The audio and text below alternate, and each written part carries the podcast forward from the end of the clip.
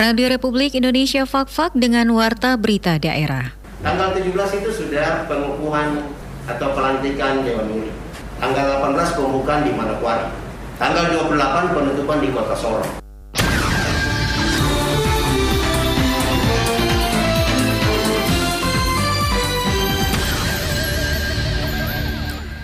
Sari Berita, Nakes di Kabupaten Fakfak per 9 Februari kemarin berdasarkan sistem aplikasi Piker dan manual Provinsi Papua Barat, maka jumlah sasaran Kemenkes RI sebanyak 949 orang. Pesta Paduan Suara Gerejawi Pesparawi ke-13 Setana Papua, wilayah Papua Barat akan digelar 18 hingga 28 Februari 2021 mendatang. Itulah berita utama edisi hari ini, Rabu 10 Februari 2021 selengkapnya bersama saya Rifanti.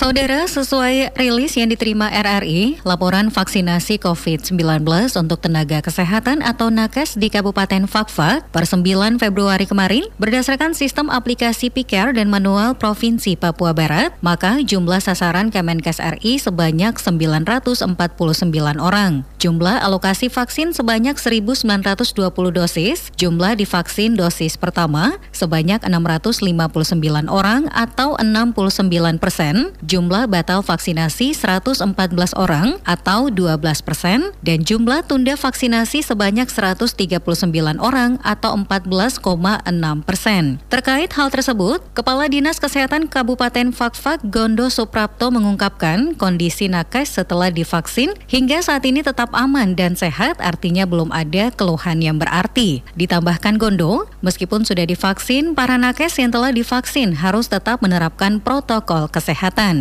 Disebutkan Gondo, vaksinasi tahap kedua akan kembali diberikan tanggal 15 Februari 2021 mendatang kepada nakes yang sudah menjalani suntikan vaksin tahap pertama. Sedangkan nakes yang belum divaksin tahap pertama akan dikoordinasi lagi dengan Dinas Kesehatan Provinsi Papua Barat atau Kementerian Kesehatan.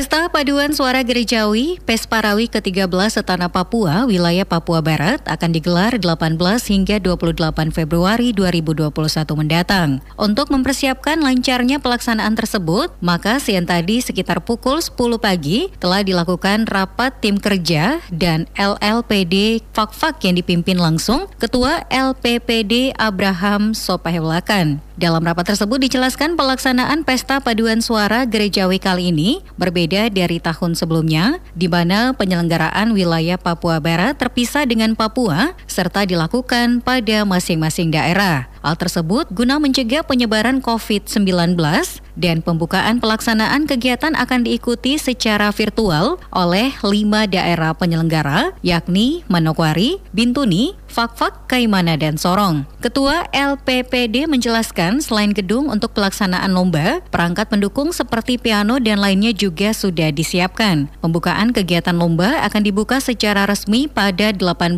Februari 2021 dan untuk Kabupaten Fakfak Fak, perlombaan dijadwalkan berlangsung pada 25 Februari 2021. Tanggal 17 itu sudah pengukuhan atau pelantikan Dewan Uli. Tanggal 18 pembukaan di Manokwari. Tanggal 28 penutupan di Kota Sorong. Untuk pembukaan itu virtual ya, pembukaan virtual. Itu mungkin gambaran kok besarnya untuk Bapak komitmen kita bersama sukses prestasi dan sukses penyelenggara karena sebagai tuan rumah. Kalau untuk sukses prestasi, latihan kita sudah jalan, kita sudah berlatih dan itu latihannya kita di tempat terbuka lagi. Untuk solo-solo sama paduan suara, kita latihan di halaman rumah negara, rumah negara 2. Untuk vokal grup, di Kafran punya rumah dan juga di gereja Pentekosta. Jadi kalau kita evaluasi di dua minggu yang lalu, itu persentase prestasinya posisi 55 sampai 60. Nah setelah dua minggu ini pasti sudah meningkat. Kalau kita mungkin bisa di gambaran umumnya Menurutnya, Kabupaten Kaimana akan mengikuti sembilan kategori lomba dan untuk tahun ini satu kategori lomba yakni etnik tidak diikuti. Ditambahkan sebelum pelaksanaan lomba, para peserta akan menjalani karantina mulai 19 Februari 2021. Ketua LPPD Abraham Sopahelwakan berharap agar pelaksanaan PES Parawi di daerah ini berjalan aman dan lancar serta Kabupaten Fakfak dapat mempersembahkan yang terbaik. Direncanakan panitia pelaksana provinsi provinsi akan tiba pada 18 dan 19 Februari, sedangkan Dewan Juri akan tiba pada 24 Februari 2021.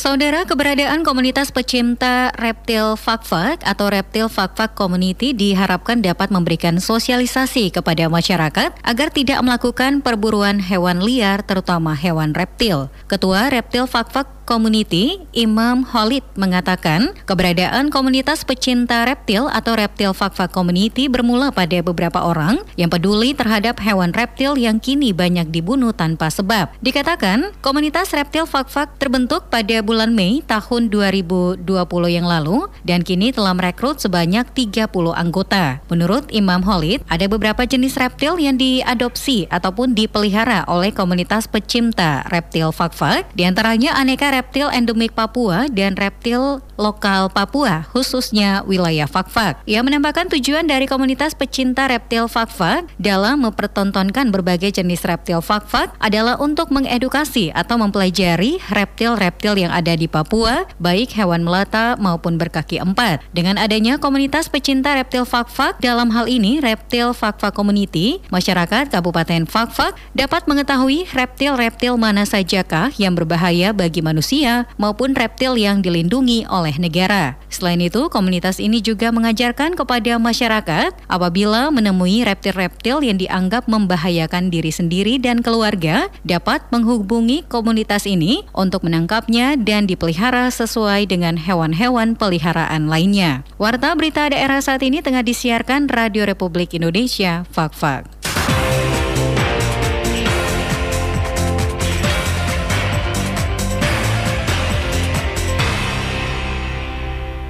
Dokter spesialis kandungan Amira ISPOG menghimbau kepada kaum perempuan khususnya di Fakfak agar menjalankan pola hidup cerdik yaitu cek kesehatan berkala, enyahkan asap rokok, rajin aktivitas fisik, diet seimbang, istirahat cukup dan kelola stres guna mencegah kanker. Berikut laporannya. Saudara kanker servis dan kanker payudara adalah penyakit yang masuk dalam daftar 10 besar penyebab kematian terbanyak perempuan di Indonesia. Oleh sebab itu, pemeriksaan IFA sangat penting sebagai deteksi dini gejala kanker servis dan sadanis untuk mendeteksi keberadaan kanker pada wanita. Hal tersebut juga merupakan screening awal untuk mengetahui kondisi para wanita yang berpotensi mengidap kedua penyakit mematikan ini sehingga mereka dapat memperoleh pengobatan lebih awal sebelum sel kanker menyebar ke berbagai tubuh yang lain. Dokter spesialis kandungan Amira ISPOG mengatakan kanker leher rahim atau servis merupakan kanker terbanyak yang diderita oleh perempuan di Indonesia Dikatakan kanker ini berawal dari tumor ganas yang mengenai leher rahim dan disebabkan oleh human papillomavirus HPV dan leher rahim yang terpapar virus HPV berpotensi menjadi kanker dalam waktu 3 sampai 17 tahun jika tidak dilakukan tindakan pencegahan. Jadi kalau uh, pernah terkena kanker jelas berpotensi karena kanker serviks atau kanker apa pun salah satu faktor resikonya adalah genetik. Jadi apabila sudah pernah khususnya perempuan ya karena perempuan ini kan memang sensitif sekali ada payudara, ada mulut rahim. Nah, itu yang juga menjadi pemicu apabila sudah ada uh, resiko kanker sebelumnya. Juga riwayat keluarga, apabila riwayat keluarga sudah ada yang kena kanker sangat berpotensi uh, gejalanya ya. Jadi biasanya pasien itu sudah datang dengan gejala uh, klinis yang berat. Jarang yang datang dengan gejala-gejala yang atau tidak ada gejala. Kebanyakan gejalanya salah satunya adalah keputihan yang banyak yang tidak pada uh, umumnya karena kalau keputihan yang fisiologis atau yang normal biasanya terjadi pada saat haid atau setelah haid. Tapi kalau uh, keputihannya itu sering terjadi di luar waktu haid, berbusa, berbau, banyak, gatal di bagian kemaluan, kemudian ada perdarahan sampai perdarahan bergumpal-gumpal atau perdarahan di luar waktu haid yang cukup sering, terutama wanita usia 40 tahun ke atas, itu kita perlu uh, segera periksa karena kemungkinan besar ada ke kemungkinan sakit uh, atau penyakit kanker mutahir.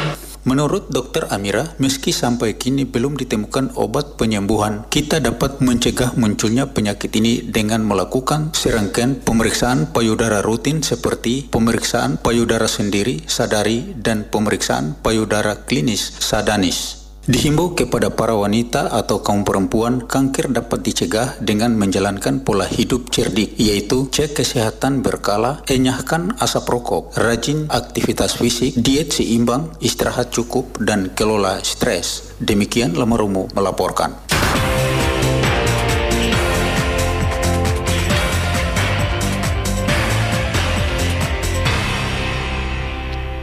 Saudara, Polda Papua Barat kembali membuka penerimaan Bintara Polri jalur khusus bagi anak-anak asli Papua atau Bintara Noken di tahun 2021 sebanyak 1.500 orang. Kabit Humas Polda Papua Barat, Kombes Pol Adam Erwindi mengatakan penerimaan Bintara Noken tahun 2021 diprioritaskan bagi putra dan putri asli Papua. Untuk penerimaan 1.500 Bintara Noken, masing-masing dengan kuota polisi laki-laki laki diterima sebanyak 1.300 orang, sementara untuk polisi wanita atau polwan mendapat kuota 200 orang. Terkait hal ini, maka Kapolda telah memerintahkan kepada jajaran Polres melakukan sosialisasi untuk proses seleksi tersebut. Dikatakan, jadwal penerimaan resmi masih dikoordinasikan dengan Mabes Polri, diharapkan agar penerimaan Bintara Noken didukung oleh masyarakat dan para tokoh adat di Papua Barat, sehingga Polri dapat merekrut putra dan putri putri terbaik asli Papua Barat untuk mengabdi menjadi prajurit Bayangkara di tanah kelahirannya.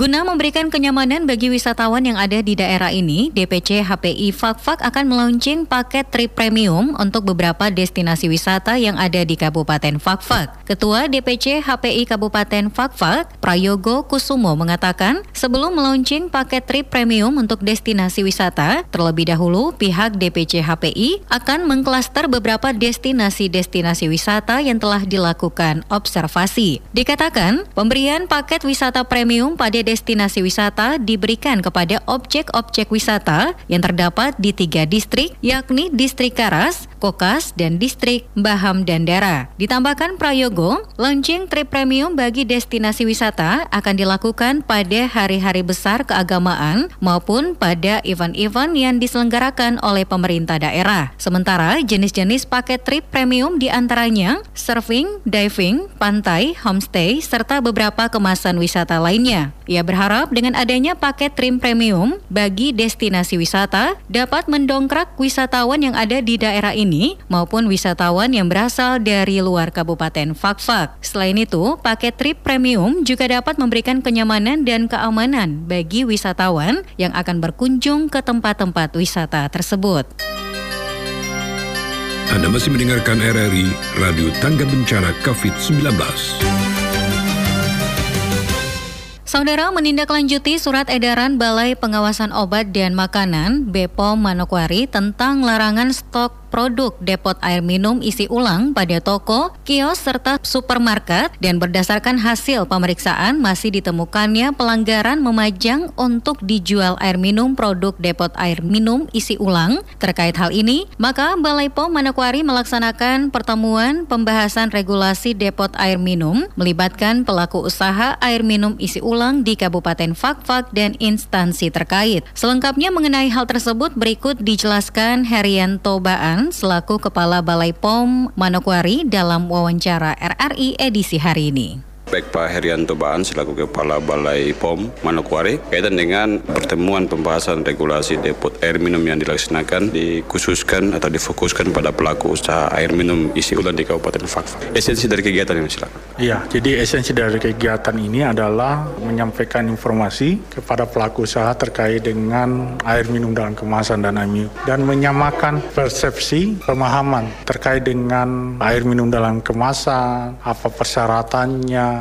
eh, kemudian air minum isi ulang bagaimana dampaknya jikalau dititip di kios dan sebagainya. Dan ini kami sudah mendiskusikan dan mendapatkan persamaan untuk mereka akan didampingi seperti itu. Dan mereka dari pelaku usahanya juga siap untuk berubah. Dan kami dari Balai POM sendiri merasa bersyukur karena ada perubahan. Walaupun perubahan itu butuh proses dan sebagainya, kami siap mengawal dan sebagainya. Itu sih yang kami ingin lakukan supaya ami-ami yang dari yang masih titip ini bisa beralih, bisa berubah menjadi air merdeka walaupun butuh proses yang ada akan kita terus evaluasi. Ya, kemudian untuk memulai usaha air dalam kemasan di Kabupaten Fakfak ini, apakah ada syarat-syarat yang harus dilengkapi? Jadi kalau AMIO yang ingin ber berkembang menjadi AMDK ada memang beberapa persyaratan. Yang pertama, mereka harus mengurus izin SNI-nya. SNI-nya itu di bawah kewenangan LSPRO, Kemenperin, Kementerian Perindustrian. Kedua, harus ada izin MD-nya dari Badan POM. Dan izin MD-nya persyaratan-persyaratannya untuk mendaftarkan aku perusahaan ada NPWP, izin IUI, dan hasil PSB. PSB ini adalah hasil pengawas, hasil pemeriksaan sarana, bangunan, dan sebagainya. Kalau sudah memenuhi syarat, kita keluarkan izin PSB. Yang kedua, setelah itu mereka harus mendaftarkan produknya. Produknya seperti apa komposisinya, labelnya bagaimana, kemudian surat expirednya itu semua akan ditangani. Jadi itu beberapa persyaratan yang harus disiapkan NPWP, IUI, kemudian hasil PSB dan permohonan. Nah, setelah itu nanti akan kami bantu dalam mendampingi terkait dengan sarananya seperti apa, dikondisikan atau sesuai dengan aturan cara produksi pangan olahan yang baik seperti itu. Ya, kemudian untuk pengurusannya, sekarang kan perkembangan teknologi, apakah harus yang bersangkutan ke Jakarta atau seperti apa? Ya, jadi pengurusan itu secara online, pengurusan secara online dan kami dari petugas balai akan mendampingi, mengirim staf kami untuk mendampingi mereka sehingga pengurusan itu bisa secara langsung. Jadi kami dampingi bisa secara langsung, luring atau daring informasi dan sebagainya, sehingga bisa mereka masukkan ke sistem yang ada secara online. Jadi mereka nggak harus ke Jakarta Jakarta dan sebagainya dan tidak terlalu ribet, tidak lama dan sebagainya. Jadi semua dimudahkan. Yang terpenting syarat-syaratnya itu sudah dilengkapi. Untuk sistem pendampingan bagi pelaku-pelaku usaha di daerah-daerah Balai POM Manokwari melaksanakan seperti apa? Ya, jadi pendampingan di daerah-daerah kita yang pertama kita melakukan pengawasan, pemeriksaan. Kalau ditemukan kita sampaikan hasil pemeriksaan kami seperti ini. Yang kedua misalnya dia belum punya izin edar, nah, kita dampingi bagaimana mereka bisa memiliki izin edar, syarat-syarat syarat yang mereka harus siapkan dan sebagainya. Bahkan kita terus komunikasi ke mereka supaya mereka bisa memenuhi syarat. Bahkan kalau misalnya menghadapi hambatan di daerah terkait dengan izin di daerah, kami bisa bantu koordinasi dengan daerah untuk bisa membantu dan sebagainya. Itu yang sih koordinasi-koordinasi intens dilakukan supaya mereka ini. Yang terpenting adalah pelaku usahanya punya niat dan mau dan sebagainya. Kita siap. Karena kalau kita yang sendiri yang niat baru mereka yang tidak niat ya susah juga. Jadi mereka pun harus punya niat untuk mau mengurus izinnya sehingga segala hambatan-hambatan mereka bisa urus, selesaikan sehingga tinggal diinput di datanya, di linknya dan sebagainya sehingga nggak butuh waktu lama kalau ininya. Kemudian terkait dengan sanksi nih Pak, apakah ada sanksi tegas bagi pelaku usaha yang katakan saja ngelakkan iya. Aturan-aturan yang telah diberlakukan? Jadi begini Pak, sanksi itu kan ada dua, sanksi administrasi dan sanksi hukum. Yang pertama kami harus tetap menitik beratkan pada sanksi pembinaan administrasi apakah di peringatan, peringatan keras. Dan yang kedua, keputusan pro justisia itu adalah keputusan terakhir. Jika lo pelaku usaha itu sudah tidak bisa dibina lagi dan sebagainya, tidak mau lagi mengikuti aturan yang ada, itu sanksi terakhir. Itu pun terakhir kita. Jadi sanksi yang pertama kita lakukan adalah pendampingan, iya. Pembinaan, seperti itu dan kita lakukan peringatan dulu, peringatan keras. Kalau misalnya dia sudah tidak mengikuti aturan dan sebagainya hanya mau untungnya saja itu kan bukan lagi pelaku usaha tapi pelaku kejahatan. Nah, kalau dia sudah sudah tahu aturan tapi tidak mau berubah dan sebagainya, kita sudah kasih tahu pembinaannya dan sebagainya. Ya otomatis kan orang ini ya tidak mau berubah, tidak mau dibina sudah kita tetapkan sanksi pidana yang sesuai dengan aturan yang ada. Harapan kepada pelaku usaha depot air minum di Kabupaten Fafak untuk selalu mengedepankan aturan ini Pak. Jadi harapan kami bahwa jadi pengawasan obat dan makanan itu bukan hanya tanggung jawab pemerintah, tapi juga ada tanggung jawab pelaku usaha di dalamnya. Yeah. Jadi diharapkan pelaku usaha agar bisa memproduksi produk pangannya yang aman, bermutu dan bermanfaat buat masyarakat. Yeah. Seperti itu. Jadi ini harus tanggung jawab pelaku usaha. Dan yang kedua, pelaku usaha tetap bangun komunikasi dengan pemerintah bagaimana untuk meningkatkan mutu produknya. Berkoordinasi saja dengan pemerintah. Kami selaku wakil dari pemerintah siap mendampingi. Karena kami yakini bahwa dengan meningkatnya UMKM, pelaku-pelaku usaha daerah akan meningkatkan perekonomian daerah. Itu sih yang saya harapkan. Baik, saudara pendengar demikian perbincangan kami bersama Herianto Baan selaku Kepala Balai POM Pengawasan Obat dan Makanan Manokwari kaitan dengan pertemuan pembahasan regulasi depot air minum yang dilaksanakan khusus buat pelaku usaha air isi ulang di Kabupaten Fakfak. Terima kasih atas perhatian Anda. Sekian Warta Berita Daerah, Produksi Radio Republik Indonesia, Fakfak.